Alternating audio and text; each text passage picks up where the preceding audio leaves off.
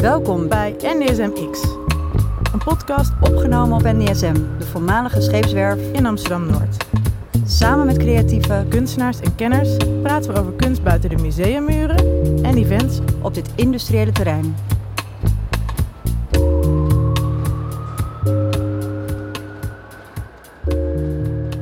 Welkom. Uh, vandaag in de studio multidisciplinair kunstenaar Willem de Haan.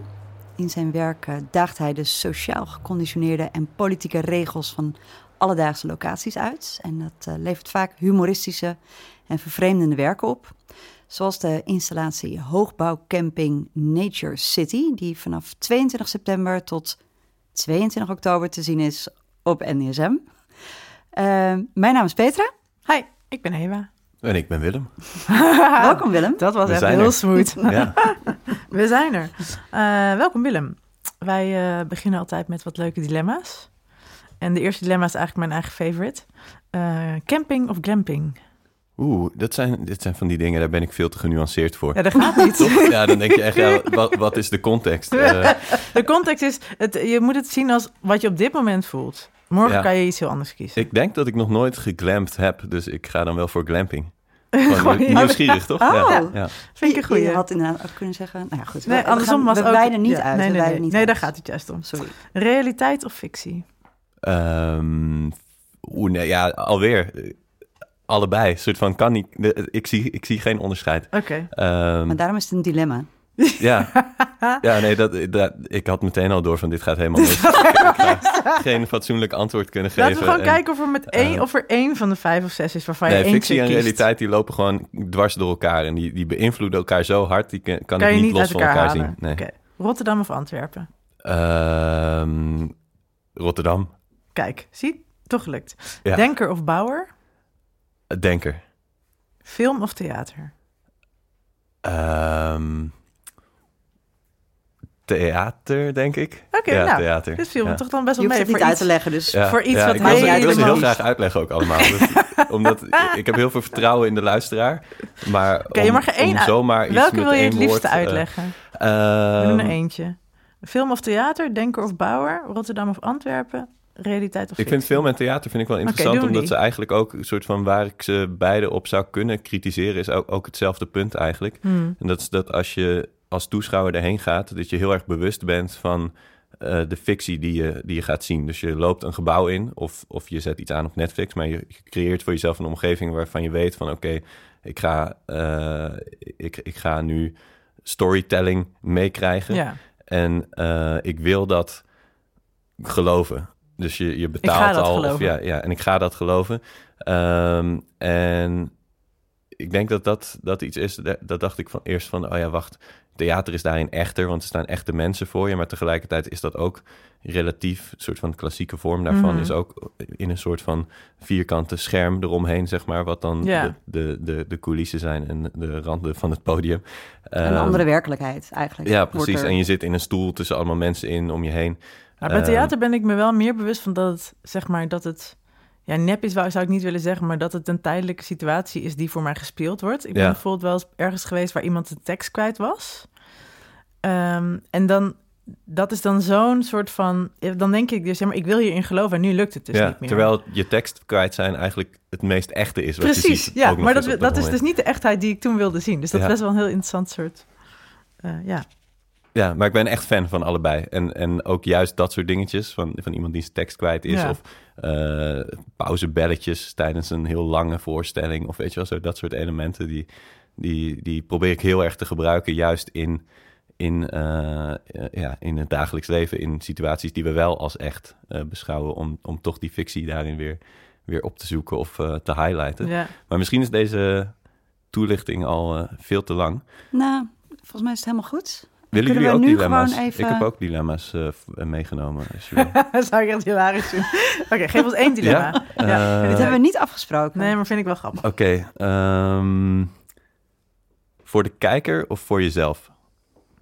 Hoe voor de kijker. En jij, Petra? Ehm, ja, lastig. Eh, voor de kijker. Luisteraar, voor de luisteraar. Ja, in dit geval voor de luisteraar. Ja. Oké, mooi. Zonder toelichting. Ja, ja. Waar willen jullie het over hebben? ik kan dit heel goed onder toelichting. Ehm, nou, misschien niet het... eh, de- Maar ik wil het toch eigenlijk ook gaan toelichten. Oké, doe maar, doe maar. Dat dacht Ja, ik al. ja. doe maar. Want ik denk uiteindelijk eh, doe je het ook altijd voor jezelf. Want het begint bij jezelf. En als je het niet voor jezelf doet, kan het ook niet voor de luisteraar zijn. Ja, en je bent in zekere zin ben je ook de consument van, van je eigen pro- product. Ja, Ehm, maar die afstand is natuurlijk ook altijd wel een beetje lastig. Dat je denkt van, nou ja, zit je niet te veel in je eigen bubbel. En nou ja, goed. ja, Dat dilemma hou je ook wel weer tijdens het gesprek. dit is Ja, heel erg iets wat ik heb geleerd tijdens het studeren in Arnhem. Omdat Arnhem niet bekend staat als een hele grote bruisende stad. En eigenlijk als je dan in Arnhem naar een vet concert wilde... dan moest je gewoon om je heen kijken en met vrienden een band beginnen... om Zelf, ja. om naar dat, weet je wel, soort van, ah ja, wij willen dit soort muziek luisteren. Eh, ja, Gaan nee, we ja, zelf doen. Dus niemand komt hier op te reden, weet je wel. Dus eh, ja, we gaan die band gewoon beginnen en, en, eh, en, en spelen voor elkaar. En weet je wel, soort van, dus Ja, dit doe je terwijl manier- laatst eh Burna Boy eh, trad op in Arnhem. Ja, dus ja, misschien is tegenwoordig eh, Arnhem ook...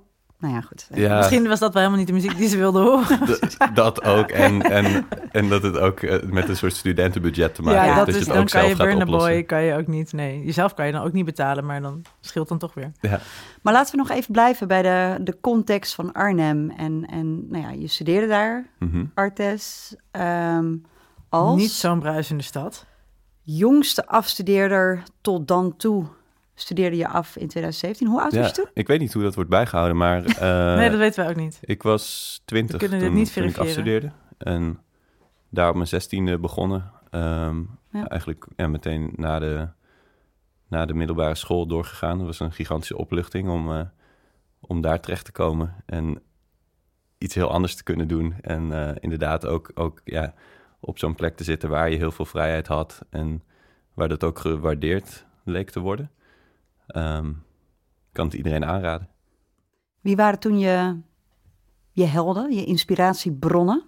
Ehm, ik denk in de kunst, die waren er ook al wel. Een soort van, ook als tiener wel dingen meegekregen die grote indruk maakten. Ehm, mensen als bijvoorbeeld John Baldessari vond ik meteen heel, heel vet. En ook, ook iemand die echt heel ver weg leek altijd. Dat, dat vond ik ook iets heel vreemds aan zo opgroeien in, in de Nederlandse periferie. Dat dan de voorbeelden van dingen die je vet vindt, die lijken in een soort ander universum te bestaan. En, en je hebt pas heel laat door dat je zelf ook in dat universum kan toetreden op een hele gekke, met, met een hele gekke route kun je daar toch terechtkomen of zo en meedoen eh, daarin. Ehm, maar ja, vooral kunstenaars die, die wel een soort van grote, groot effect hadden met hun werk, maar ehm, vervolgens daar misschien relatief simpele methodes voor gebruikten. En Hmm. dat, dat, dat, ik- dat ik als tiener er altijd dacht van, hé hey, wacht, ik dacht dat dit ingewikkeld moest zijn, maar eigenlijk ehm, is dit een fotoserie van iemand die mandarijnen de lucht aan, aan het ingooien is, of, of zeilboten aan het uitzwaaien, of ehm, eh, shit, ik ben zijn naam nu even kwijt. Jonathan Monk die op het vliegveld staat met een bordje waarin die allemaal bekende mensen opwacht. Weet je wel, hoe die taxichauffeurs Ja, met ja, je naam Ja, soort van. Ehm, dat hij daar staat en, en eh Dalai Lama staat op te wachten, zogenaamd. of weet je wel? En je ziet eigenlijk zie je een soort gigantisch narratief. Al, al eh, in je verbeelding speelt dat al af. Met alleen dat ene beeld. het- qua productie is het gewoon een gast die in zijn eentje naar eh, het vliegveld gaat en met, met een stuk karton. Ehm, en dat, ja, ik weet niet, dat zijn altijd wel motiverende dingen geweest. En ik hoop daar zelf nog steeds mee bezig te zijn en ook misschien een voorbeeld in te kunnen zijn van oké, dit is gewoon één iemand die in zijn eentje iets probeert en, en eh, ja. het, het verhaal kan heel groot worden uiteindelijk van, van zo'n project, van zo'n werk. Ja, En humor ehm, was toen eigenlijk ook al dan wel een, een, ja dit, dit zijn wel grappige projecten ook, ja. een component of zo, wat je Ja. fascineerde. Ja, gewoon iets heel, ja, iets vervreemdends of zo. Dat je ook niet begrijpt waarom iemand dat precies zou doen. Of, Ja. of wat, wat, wat het doel ervan is. Of eh, eh, hoe het gaat aflopen of zo. Dat zijn wel dingen die een soort nieuwsgierigheid oproepen. Ja, dat vooral. En, en ja, gewoon dat je het niet beg- begrijpt vooral. Een soort van dat het absurd is. Meer dan grappig. En ik denk dat, dat ik zelf wel een soort van dat humoristische aspect in mijn werk heb. En ook om, om een soort nieuwsgierigheid op te roepen. En soms ook wel vanuit bijna een soort uh, reclamebureau-achtige techniek. Dat je gewoon denkt van oké, ik vind een bepaald onderwerp heel belangrijk. En als je wil dat mensen er aandacht aan besteden, dan moet je die aandacht eerst pakken.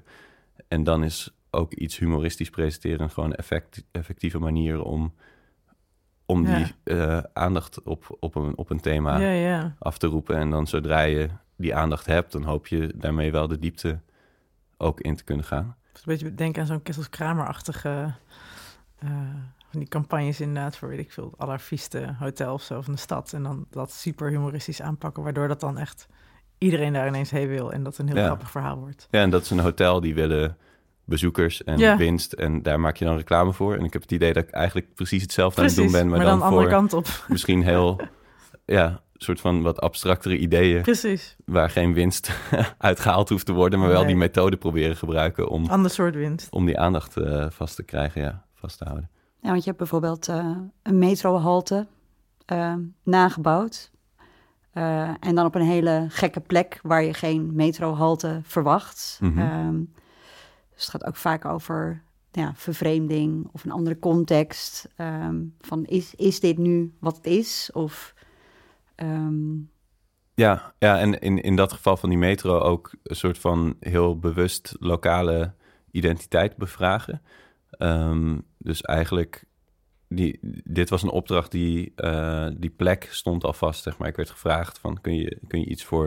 En dat was aan een zeven kilometer lange weg waar drie boerderijen aan, uh, aan bestonden.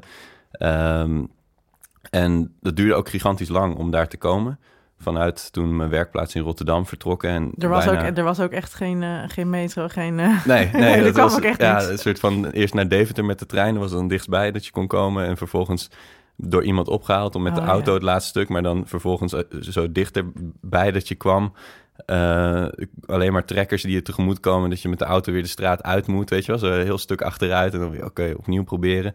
En dan ben je daar eindelijk. En ik, ik kwam er toen achter dat uh, dat afgelegen aspect van die plek ook een soort van heel um, iconisch werd ervaren als, als deel van die lokale identiteit. Dus dat hoe, hoe die mensen over zichzelf en over die plek praten, dat het echt wat te maken had met hoe ver dat was van de randstad. En, maar dan ook als een, als een soort van positief iets eraan? Of als, ja, of beide. Als Een soort van, je was? ziet nu natuurlijk dat het heel erg in de... Die, die lokale identiteit, die, die is afgelegen. Uh, dat zie je nu ook in de politiek, bijvoorbeeld met zo'n BBB die ontploft. Mm -hmm. Of inmiddels alweer instort. Um, maar, het gaat heel snel momenteel. Ja, ja maar dat dat toch een soort van emotie is van... oké, okay, wacht, uh, we zijn ook afgelegen van Den Haag... en de keuzes die daar worden gemaakt. En dan is dan een soort van negatieve aspect. Maar tegelijkertijd um, merk ik ook met, met uh, familie bijvoorbeeld... die ook op, van het platteland komen. Als ik daarmee hier door Amsterdam rij... dat daar een soort oprecht medelijden ontstaat voor mensen die in appart appartementen wonen. Oh, ja, ja, ja. Um, dus dat, dat ze omhoog kijken en echt mensen denken van... oh, wat zielig, die, die moeten zo leven, weet je wel. En dan heb je mensen overal om je heen en iedereen kan je zien. En terwijl, dat is de hoofdprijs, zeg maar, die wordt betaald voor, voor die plekken, zeg maar.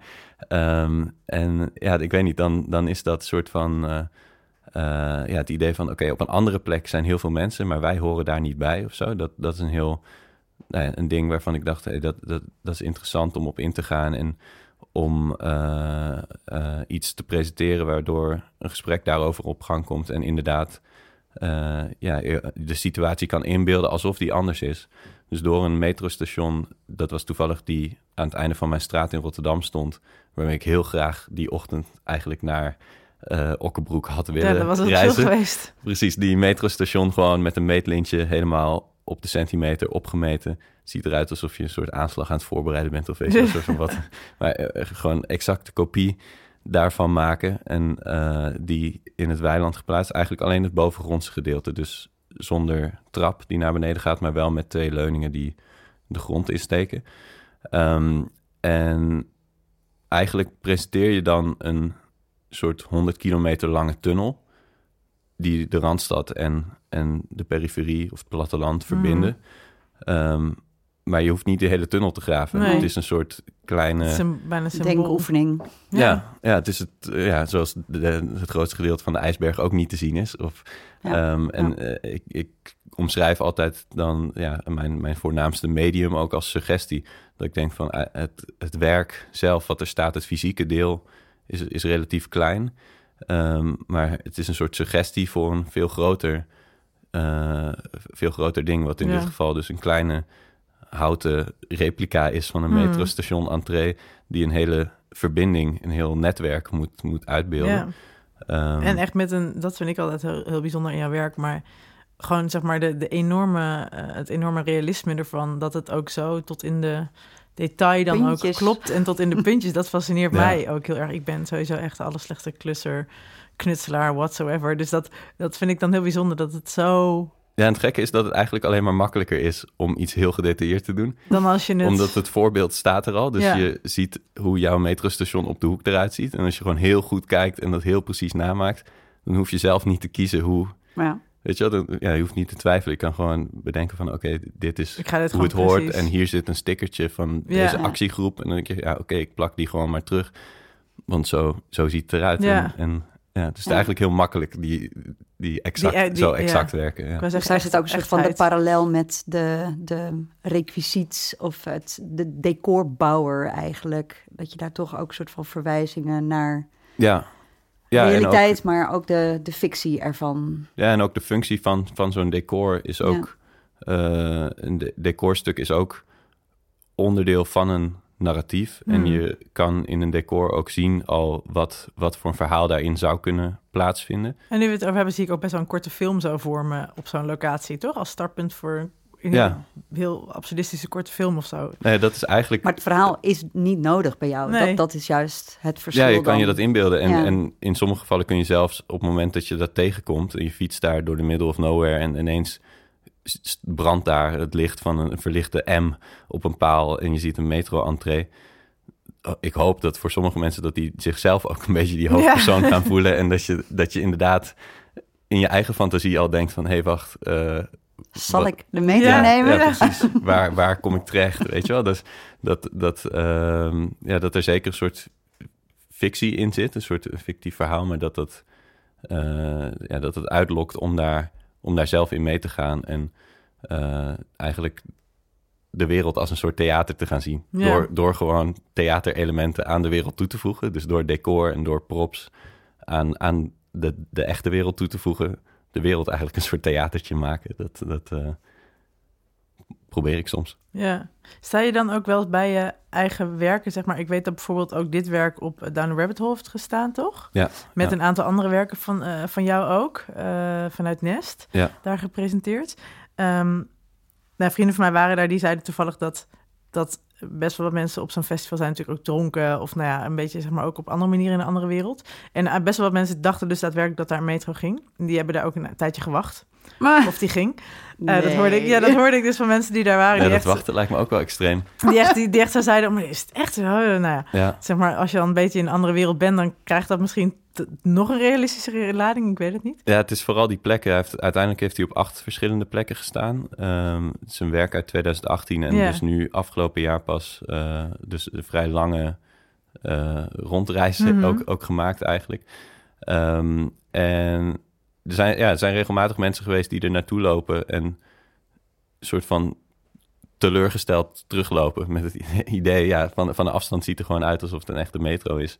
Um, en uiteindelijk is dat niet mijn doel om mensen voor de gek te houden, maar het is wel belangrijk om als je iets, een, een idee wil overbrengen, dat het zo realistisch mogelijk overkomt ook. Dus dat je het toch voor een tijdje echt gelooft, dat, dat vind ik een heel mooi effect. En als je dan heel veel drugs gebruikt en dat helpt jou daarbij, dan... uh, Versterkend element. weet ik niet, misschien, misschien goed. Ik, ik, ga het niet aanraden per se, maar... Uh, het is geen voorwaarde om van jouw werk te genieten, laten we het daar... Nee. Nee, hoop ik niet. Nee, zeker niet. Terwijl je had nu ook een werk gemaakt um, in Brabants. Ja. Met de, wel, wel de, de, de, toiletten. Uh, ja. Waar je eigenlijk Tilburg, denk uh, ik, ja. totaal iets anders zag als je daarin kwam, toch? Ja. Dus daar heb je ook wel weer heel erg gespeeld met juiste verwachting en het, ja. het niet inlossen van die verwachting op een hele andere manier, beeldend ja, ook. Ja, ja, dat waren tien festivaltoiletten, gewoon van die typische dicties die in zo'n soort van ja, tegen elkaar ge, aangeduwd staan, zoals ze op festivals staan, als, als lange rijen. En uh, daar waren drie deuren van open, de rest zat op slot. Als je een van die deuren opendeed, dan uh, stapt je eigenlijk een gigantische ruimte in. Dus al die tussenwandjes van die dicties, die heb ik eruit geslepen. Waardoor je ja, de ruimte van tien dicties in één keer instapt. En uh, daarin een soort straatscène um, weer gekopieerd. Dus je komt eigenlijk net van straat. Je denkt, oké, ik moet naar de wc. Hij stond ook gewoon op de, op de was voor Kaapstad Festival. En op de festival uh, plattegrond stond Oh, hij echt? ook gewoon als festival Toilet. toiletten. Ja. Ehm, en van buiten moet er niks aan te zien zijn dat er, dat er iets mee aan de hand is. Ja. Ehm, dus iemand stapt daar binnen die daadwerkelijk wil plassen. Vervolgens kom je terug een soort straat in of een soort steeg. En die steeg zat vol met allemaal iconische plasplekken. Eh, dus in een, in een portiekje, weet je wel, plekken waar je, waar je misschien denkt van... Ja, precies, naast de regenpijp of tussen geen, elektriciteitskastje. als er geen dictie is, dan zou je... ja, dan, daar ja. passen. En ik vind het zelf interessant hoe een stad verandert op het moment dat je... Nou ja, er zijn heel veel manieren waardoor je anders naar gaat kijken. Als je eh, vroeger met skateboarden, dan kijk je Ja, al heel anders ja. naar een stad. En dan is het van, oké, hoe waar kan ik... Weet je wel, waar kan ik vanaf? Of, eh, en en eh, hoe Ja. beter je wordt, hoe meer je Mm. mogelijkheden je ziet. Ja. Ehm, en als je heel nodig moet plassen, dan, dan wordt een stad ook ineens iets heel anders. En dan Ja. ga je alles potentieel als toilet Kieren. Ik heb Ik heb beschouwen. heel vaak auto's als op Koningsdag of zo, vond ik auto's ineens enorm potentieel. Ja, toch? Ik dacht, achter die auto kan ik Ja. gewoon wel even plassen. Ja, ja dus het is, eh, en, en dat festival gaat over hoe, hoe de stad wordt gebruikt en het overnemen van de stad. En eh, nou ja, die, die fonteintjes, er waren dan fonteintjes die zeg maar toch een soort plasstralen eh, in, in Oh ja. beweging hielden op die plekken, in die, in die namaaksteeg. Die eigenlijk een soort suggestie waren van, nou ja, dit zijn, zijn de voorbeeldplekken. Ehm, dus je, je hoopt naar een toilet te gaan, het toilet is er niet. Ehm, maar je wordt er even bewust van gemaakt dat, je, dat er wel heel veel andere potentiële plekken zijn om, om wel te kunnen plassen. En ook in na- mijn namaaksteeg eh, zelf is natuurlijk eh, Is wel Ook gepist? goed gebruik van gemaakt. Oh, ja, ja. nee. Ehm, nee, dat, en ik weet niet, dat zijn lastige dingen als je, als je voor een festival werkt en, en je wil niet dat, dat eh, je iets maakt wat heel erg gaat stinken. Of ehm, die stank moet een beetje in balans blijven. Ja. Maar ik vind het wel heel mooi dat, dat je iets maakt wat heel duidelijk nep is. Dus je stapt ook een soort echt een ja, een nepwereld in. Waar als je goed kijkt, zie je wel dat het allemaal van hout is. En ehm, dat, ja, dat die materialen anders zijn dan, dan wat je verwacht. Ja. Maar dan vervolgens dat wel weer echt gebruiken daarvan. Dat het toch weer een soort nieuwe laag krijgt. Alsof je gaat slapen in een bed in de I- IKEA-showroom Ja. of zo. Of Weet je wel, een soort van... Hmm. ehm, Toch functioneel. ja, dus dat spanningsveld, dat, dat vind ik zelf wel, wel, wel interessant. Dat, dat je, ehm, ja, in hoeverre je, je ook mee kan gaan of mee wil gaan in iets fictiefs. En ik denk dat we dat continu aan het doen zijn op een veel, veel gelaagdere schaal al. Ehm, dat dat eh, hoe wij nu aan het praten zijn, dat het ook een soort toneelstukje is. Ja. En dat dit, dit is niet een gemiddeld gesprek wat we normaal hebben. Terwijl wij, wij waren hiervoor ook gewoon met elkaar aan Ja, het praten. zeker. Weet je wel? Dus, dus er zijn altijd een soort van ja, eh, attributen en, en omgevingen om ons heen die, die dat karakter dat we spelen heel erg Hmm. vormgeven. En eh, ja, dan, dan zelf van dat soort attributen maken waardoor bepaalde actie wordt uitgelokt of waardoor je zelf in een bepaalde rol schiet. Dat, dat, ja, ook eh, als publiek hè, ja, verandert je rol ook in zo'n Ja. toilet ineens natuurlijk. Ja, Want je hebt het zelf ook gehad over eh, jouw werken als scripts voor de publieke ruimte. Maar ook veel Ja. mis. Ja, ik werk ook wel met echte, echte scripts. ehm, die, ja, wa- waarin gewoon woord voor woord eh, zinnen staan uitgeschreven, zeg maar. Ja? Ehm, ik heb die ooit ook op, op billboards eh, geprint. Dat heb ik gezien, en door ja. de stad, eh, door Rotterdam ver- geplaatst op plekken waar die scripts automatisch gespeeld werden. Dus bijvoorbeeld fictief verhaal over een hardloper die langs de schie rent en een belletje krijgt. Hij is helemaal uitgeput, maar door dat belletje raakt hij in paniek en begint hij ineens weer keihard te sprinten. Heel kort verhaaltje, eh, waar nu ook de punchline van, van ontbreekt om het kort te houden.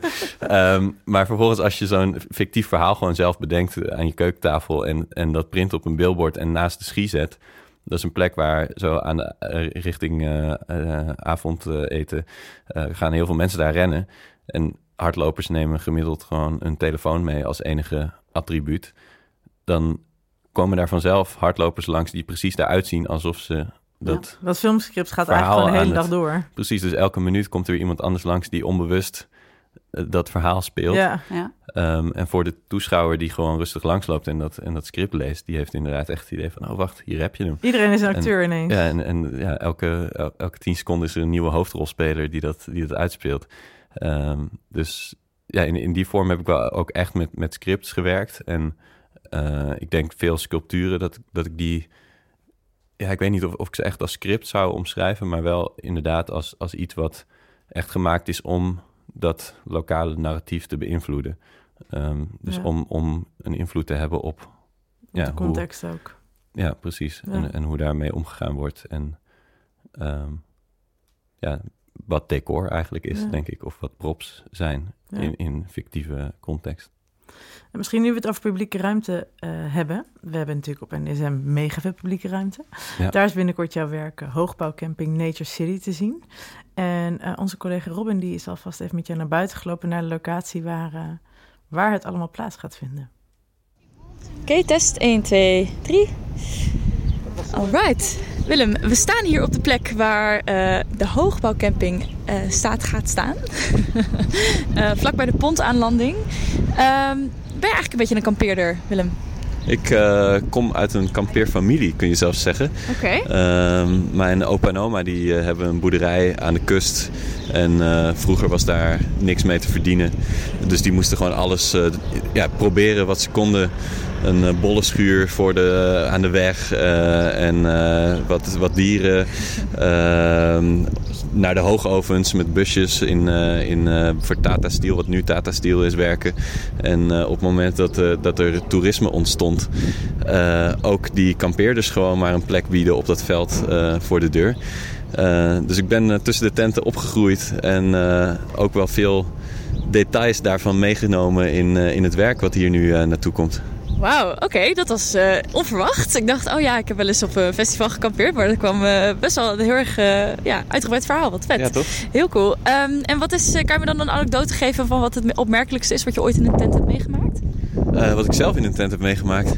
Eigenlijk is, is heel weinig opmerkelijk in een tent, omdat gewoon alles kan daar gebeuren. Een soort van je, Alles je, en niets ja, je slaapt eigenlijk ook gewoon buiten met een soort van eh, suggestie van, van ja, een soort doek om je heen. Ehm, ja, wat, het hoort er eigenlijk allemaal bij. Gewoon Ja. onder water lopen, em, kwijt zijn vooral ook. Dat je s'nachts toch eh, voor verschillende dingen denkt, ik ga eventjes naar buiten. En dan vervolgens niet meer weet waar, Waar die die staat. Dat zijn, dat zijn hele typische dingen. En eh, ik denk dat op het moment dat je een verdieping zou hebben waarvan je weet dat je naar terug moet. Zo van oké, mijn tent staat op de derde verdieping. Dat dat kwijtraken, dat dat al een stuk minder een probleem gaat zijn. Ja, eigenlijk een soort parkeergarage effect. Dat je Ja. weet van, oh ja, ik sta op eh, verdieping 2, P3 of zo. Dat, is- ja, Ja, ja, zo, ja. Zo, zo zou dat kunnen gaan in de toekomst. Ja, dat zie ik ook wel voor me inderdaad. En eh, nou oké, we staan hier dus op het Smederijplein. Dat staat echt pal naast eh, de hoogbouw op NDSM West en de nieuwe appartementen waar we het net ook al even over hadden. Ehm, wat hoop jij dat mensen, wat hoop jij dat er door met de mensen heen gaat die hier ochtends wakker worden, een kopje koffie drinken op hun balkon en dan de hoogbouwcamping zien? Ik hoop dat ze zich kunnen identificeren met die kampeerder.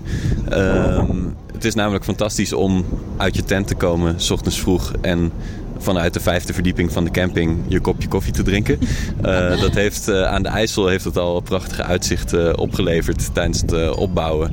Eh, dat je toch denkt van oeh, als dit, als dit echt zou kunnen en ik zou in zo'n. Dus ik hoop eigenlijk dat, dat mensen vooral hun eigen positie en hun eigen uitzicht eh, daar, daarmee gaan eh, waarderen. Ehm, maar toch ook misschien wel een soort absurdistisch laagje zien in de manier van leven eh, die we zo normaal zijn gaan vinden. Wat inderdaad eh, een, ja, vanuit een ver perspectief toch wel een beetje beklemmende eh, vorm heeft aangenomen. Ja, zeker als je, ik kan me voorstellen dat als je er van bovenaf op kijkt, dus echt vanuit, vanuit zo'n high-rise inderdaad, dat dat misschien nog een heel ander effect geeft. Ja. Dat je, als je als toeschouwer hier staat, is het natuurlijk een hoge stallage, maar als je nog hoger staat, is het misschien wel een heel erg ander effect. Ja, het biedt een perspectief op hoe, je, hoe, je, hoe wij met recreatie omgaan en met de natuur omgaan. Maar tegelijkertijd biedt het ook gewoon een perspectief op hoe wij in de stad ons leven vormgeven. En ja.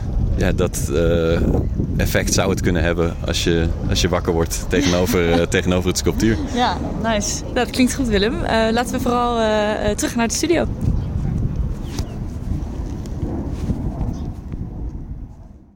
Nou, nu we het waaistuk en het omgevingsgeluid weer hebben gehad van de podcast, ehm, willen we graag ook nog even het hebben dus over de hoogbouwcamping.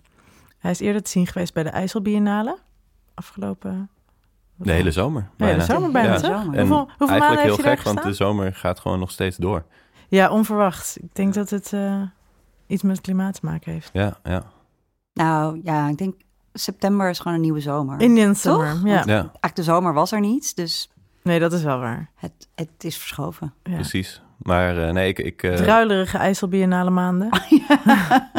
een beetje misschien, weet ja, ik niet. Ja, wat, wat ook wel uh, hoort bij een camping. Tenminste, Ja, altijd als ik ga kamperen regent het ook op magische wijze. Dus- creperen ook. ja, ja, Creperen op de camping. ja. Nee, maar ik, ik ben wel echt uh, IJsselbiennale fan. En ik kreeg, uh, ik denk in vrij laat, pas februari misschien, een, een belletje van ze. Van, hey Willem, we hebben een, een hele mooie plek aan de IJssel, uh, ter hoogte van Wilp. Um, kun je komen kijken? Dus meteen langs gegaan en op tour geweest bij de boer waarvan dat uh, weiland was. En, oh, dat uh, lijkt me wel echt leuk. Ja, ja, dat zijn eigenlijk de leukste momenten van de job. Dat je weet van, oké, okay, er gaat iets heel groots hier kunnen. Ja. Um, maar ja, het, het beginnetje van dat informatie verzamelen en een soort van echte oren spitsen van oké, okay, wat, wat, wat, uh, ja, wat gaat hier te vinden zijn? Wat zijn de aanknopingspunten die, die iets ja, spannend maken op deze plek? En hij vertelde over, we stonden op een dijkje tussen twee van zijn stukken land in. Um, en hij vertelde dat dan uh, dat dijkje als een soort grens ook voor zijn bedrijf werd gebruikt, of dat hij dat zelf had ingezet zo, dat hij op een bepaalde uh, kant van die wijk uh, natuur produceerde en aan de andere kant koeien hield. Dus gewoon de klassieke industriële landbouw. En ik vond die term natuurproductie vond ik zo Ja, ik ben- vreemd. Omdat ja. natuur in mijn beleving is dat iets wat al bestaat en wat zichzelf een soort van produceert. Ik Eh, zie dat maar- niet echt voor me gewoon. Ik probeer, Ja, en zijn ja. koeien dan geen natuur of zo? Dat is dan Ja. ook zo gek, Ja, nee, precies. Dat, toch? dat- voor, ja. voor stedelingen is dat... Ja, allemaal eh, je hebt natuur. Cool natuurlijk- equals natuur. nu in die, in die, in die tijd dat, dat eh, die, die, eh, ja, toch de grond zo onder druk staat. En wat we doen met ons grondoppervlak. En er vrij veel kritiek is op, op hoeveel eh, land er wordt gebruikt voor die industriële landbouw. Ja. eh, wordt er steeds meer overgestapt ook op subsidies Mm. voor boeren om dan natuur te produceren. En dus eigenlijk die natuur die daar ooit wel was, voordat dat helemaal nou ja, een soort van eh, plat Ja. weiland werd. Ehm, om, om die terug te laten groeien. Maar Ja, dat wordt dan wel een beetje actief gedaan en bijgehouden. Ehm, en die subsidies die, die komen overeen met hoeveel je eigenlijk daarmee verdient als je daar wel koeien zou hebben bestaan. En ehm, de boer had in dit geval zoiets van ja, we moeten gewoon als bedrijf met onze tijd mee. En ja, die zag dat echt als, als een, ook niet per se iets heel ideologisch volgens mij, maar echt gewoon als een ding van oké, we zijn een bedrijf, we willen Ja, ondernemer. ja, we ik willen, ben ondernemer. We willen iets verdienen hier. En dit is wat, eh, ja, wat de toekomst is wellicht. Dus we gaan dit gewoon proberen. Ehm, en ik weet niet, voor mij eh, eh, zag, leverde dat een soort perspectief op... waarin ik eerst nog dacht van... oké, ik zit ook een beetje vast in de stad, weet je wel... en ik ga ook naar zo'n plek die wederom een soort middle of nowhere lijkt... en dat je toch in de natuur waant. Ehm, maar vervolgens praat je met iemand die daar gewoon zijn bedrijf heeft. En ineens heb je door van wacht, dit is allemaal bedrijfsgrond om ons heen. Het waar wel de hele tijd mensen natuurlijk. doorheen aan het fietsen zijn. Ja. En daar Ja. heel erg van genieten. Ja. Terwijl, eh, ik weet niet, door de haven in Rotterdam fietsen toch net iets anders is, zeg maar. Maar het is net zo eh, weinig natuur eigenlijk als, als hoeveel natuur er daar is. Behalve dat daar dan grasprieten groeien, maar dat is ook geen natuur. Ja, en waarschijnlijk ook net zo lucratief, zeg maar. Ja, ja, ja precies. Ja. Ja. En eh, ja, dat, dat was aan een superdruk fietspad tussen Deventer en Zutphen. Dus een heel, heel ja, een soort van eh, populair stuk IJssel-recreatieroute. Ehm, veel kampeerders die daar aan de IJssel staan, die, die dagjes fietsen. Ik dacht eigenlijk die schaarste van die grond en de druk die hier op, op het grondoppervlak, op, op, die, ja, op dat kleine stukje ruimte, wat, wat al die verschillende functies tegelijk moet hebben, die druk die daarop staat, die wil ik eigenlijk ook vertalen naar die recreant die daar langs fietst. En ook die, die camping daarvan als symbool pakken. En ehm, daar gewoon kijken van oké, kan ik iets, iets maken waardoor eh, die camping bijzonder efficiënt eruit ziet. En dus eigenlijk onze stedelijke woonmethode eh, ge- ja, genomen. Waarbij ik, ik woon ook boven twee andere mensen. De appartementen, maar dan anders. Ja, precies. Ja. Iets wat je, wat je eigenlijk heel erg gewend bent. Want het is heel normaal om, om met z'n allen op elkaar gedrukt te zitten. Ehm, maar dan vervolgens naar een setting verplaatsen waarin er wordt gedaan alsof dat niet bestaat. Alsof we heel veel ruimte hebben en alsof we in de natuur zijn. En Om eh, ook ik even weet te niet, ontsnappen aan die, aan, toch? dat, aan die De bedrukking. drukte Ja. En, ja. Maar ook, ik vind het ook interessant, omdat eigenlijk, tenminste wat ik ook heel erg associeer met eh, kamperen, is ook dat, zeg maar, in het normale stadse leven zijn we best wel time efficient ook Mhm. vaak. Dus dingen moeten snel en eh, we gaan overal heel van hort naar her.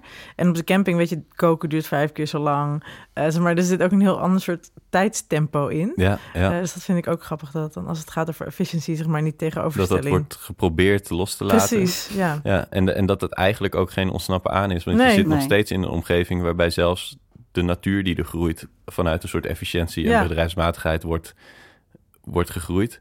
En ik weet niet, als je het dan hebt over een soort van toneelstukken of rollen... die worden gespeeld in de publieke ruimte... dan is wel is een soort van recreant is ook een heel vreemde rol. En eh, zag ik dat op die plek ook echt als een soort toneelstuk.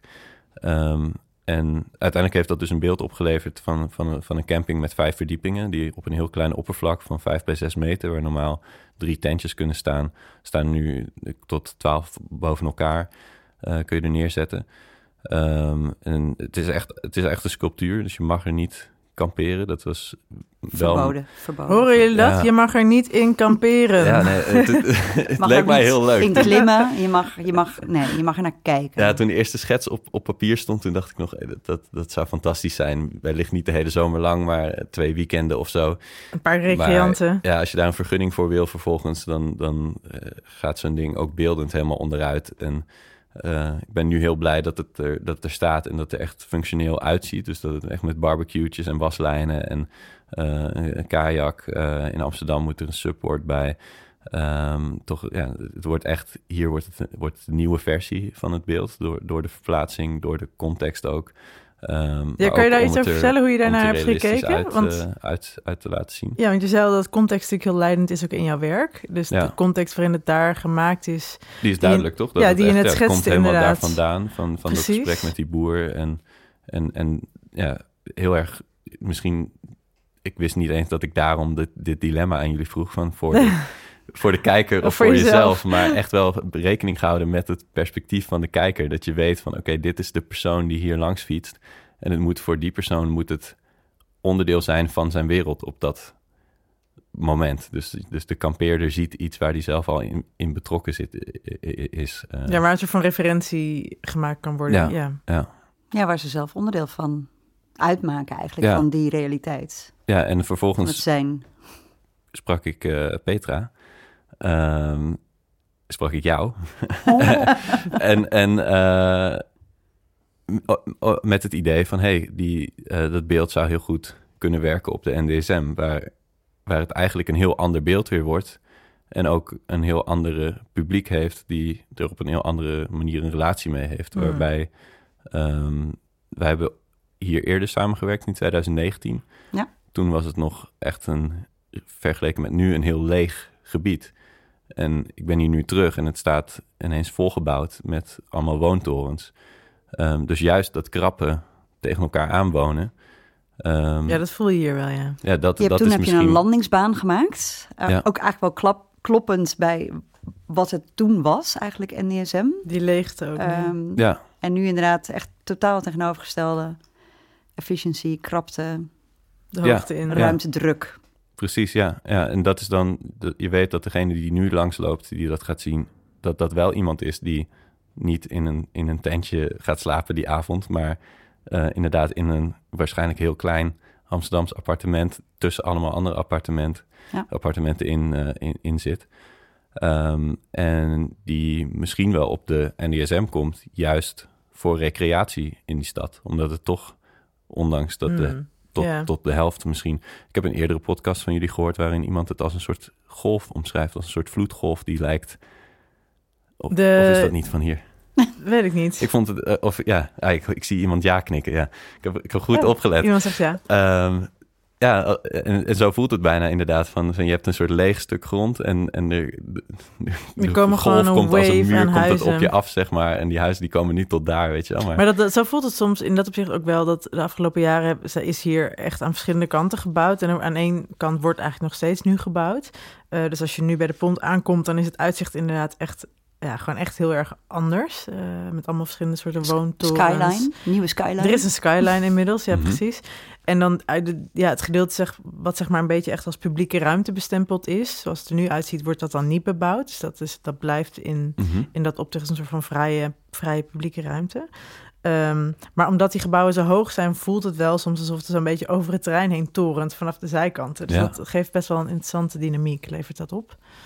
Um, ja, en het is die, die druk op de ruimte die voor mhm. recreatie bestaat, die, die voel je in dat opzicht ook echt. Dat je echt denkt van, ah ja, wacht het.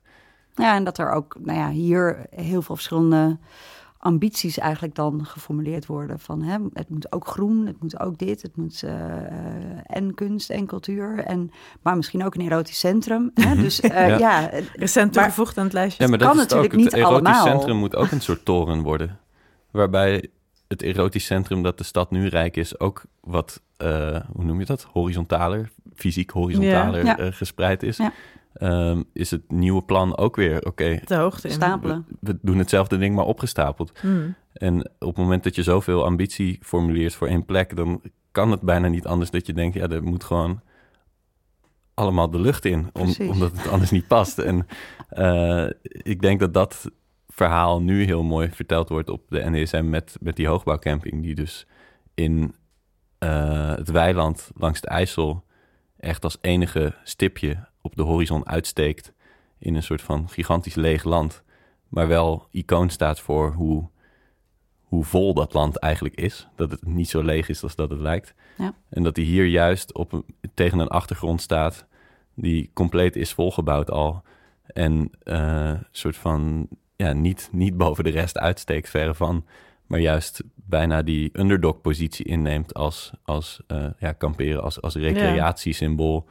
Um, de installatie wordt hier meer verdrukt, maar dat past eigenlijk wel bij het geheel. Ja, dat is, dat is gewoon hoe de situatie is ook. Um, en uh, ja, daarin zie ik het zelf ook echt wel als een, als, als bijna nieuw werk wat uh, weer gaat bestaan. En uh, ook heel bijzonder dat het kan, dat, dat zo'n werk verplaatst kan worden en dat het uh, goed tot zijn recht kan komen op een, op een heel andere manier. Ja, ik denk de meeste dus belletjes een andere betekenis krijg, ja. uh, kan krijgen eigenlijk ja. ook. Ja, want het is echt ja, zoiets contextgevoeligs. En ja, het kan ook heel saai worden op, op een... Uh, ja, en en dat, dat er toch nog een plek is die er heel anders uitziet... maar op dezelfde manier toch een soortzelfde spanning uh, gaande is. Dat, ja. Want eigenlijk ook als het als er staat en je ziet het van de ene kant, dan heb je eigenlijk de hoogbouw op de achtergrond. Ja. Maar als je je omdraait om het werk heen, dan heb je eigenlijk weer de, de NDSM en de hellingen en de, de, de kraan bijvoorbeeld als achtergrond. Dus ja, het is ook wel grappig hoe het zich ook, uh, hoe het verschilt eigenlijk. Ja, Waar je positie als beschouwer is, hoe je eigenlijk weer dat werk eigenlijk welk, zien. Ja, welke achtergrond je hebt. Ja, welke fysieke achtergrond je ja, hebt. Er is een bordje zo met en draait, draait in nu eens om. Kodak, Kodak punt. Ja, ja, ja. Kodak punt. En het is luxe om als kunstenaar die achtergronden allemaal te kunnen gebruiken. Dat scheelt heel erg. Dat is, dat is ideaal aan werken in de publieke ruimte. Dat je heel veel niet hoeft te maken ook, maar dat er heel veel al is. En dat je daar iets aan toevoegt en dat al die dingen daaromheen, die, die gaan meespelen in dat werk, zeg maar. En uh, ja, daarin vind ik het zelf heel lastig om iets te maken wat in een white cube staat, waarin je heel weinig kan betrekken bij, bij zo'n verhaal wat je, wat je probeert te vertellen. Nee, je kan ook een beetje eigen decor kiezen. Ja. ja. Maar goed, bij Patty Morgan uh, daarentegen nam je gewoon die context, bouwde je gewoon na, toch? Van de ateliers van de kunstenaars, uh, die je eigenlijk om het werk van de... Vriend van Bavink was ja. dat, volgens mij. Dat, ja, dit was Vriend van Bavink, ja. inderdaad, ja. Willen jullie nog een dilemma? Uh, we doen een afsluitend dilemma. En dan gaan we daarna gaan we zeggen wanneer mensen het werk kunnen zien. Is dat een ja. goed idee? Ja, toch? Om, om, de, om dit verhaal ook helemaal. Oh, ik ben heel benieuwd. Ik zit op het puntje van mijn stoel. Uh, doe een makkelijke. Oh, gelukkig. Vraag of antwoord? Jezus, die vind ik heel moeilijk. Vraag. Ik heb wat heel weinig antwoorden, dus ik zeg eigenlijk ook vraag. Ah. Hij was niet zo moeilijk. Maar het was een antwoord. Het was wel, het was wel een antwoord, inderdaad. Ja. Ja, Is het van kip of ei? Ja.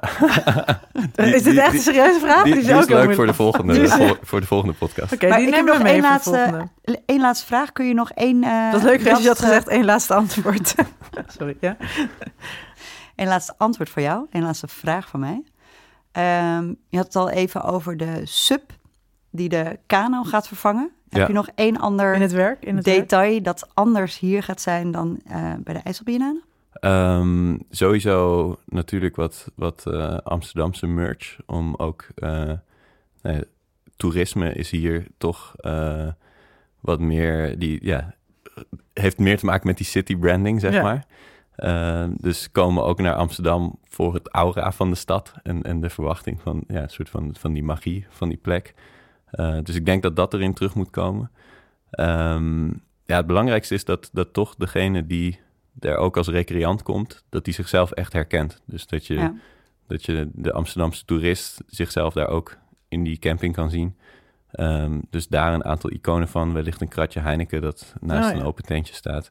Nee, dus Eh, wel voor de dat dat toerist, er geen van Moof. Wel gewoon voor de toeristen Heineken. Ja, dat, dat was ook nog. Er staan nu inderdaad eh, in, eh, in de versie 1 in, eh, in- aan de IJssel staan vouwfietsjes. Oh ja. En eh, ja, ik, weet, ik weet nog niet zeker of dat swapfietsen gaan worden. Maar dat, eh, daarvoor moet je komen kijken. Kijk, precies. Spannend, Vanaf, eh, spannend, spannend. vanaf 22 september tot eh, 22 oktober is het werk hier te zien. Eh, nou, als je met de, vanaf de pont komt, eh, dan zie je het eigenlijk meteen. We hebben er heel veel zin in. Ik ook. En eh, ik ben Ik ga kijken. Ik ga, ik ga zeker ook kijken. Ja. Ik ook. Eh, dank allemaal voor het luisteren. En dank voor het Ehm, gesprek, Willem. En eh, mocht je ideeën hebben voor deze podcast of wil je graag nog eh, Willem even een berichtje sturen via ons, dat kan ook. Je kan ook gewoon zijn eigen Instagram volgen, dat is eigenlijk veel leuker. Maar we hebben ook een e-mailadres en dat is redactie.ndsm.nl. Tot de volgende keer. Joep. Doei. Doei!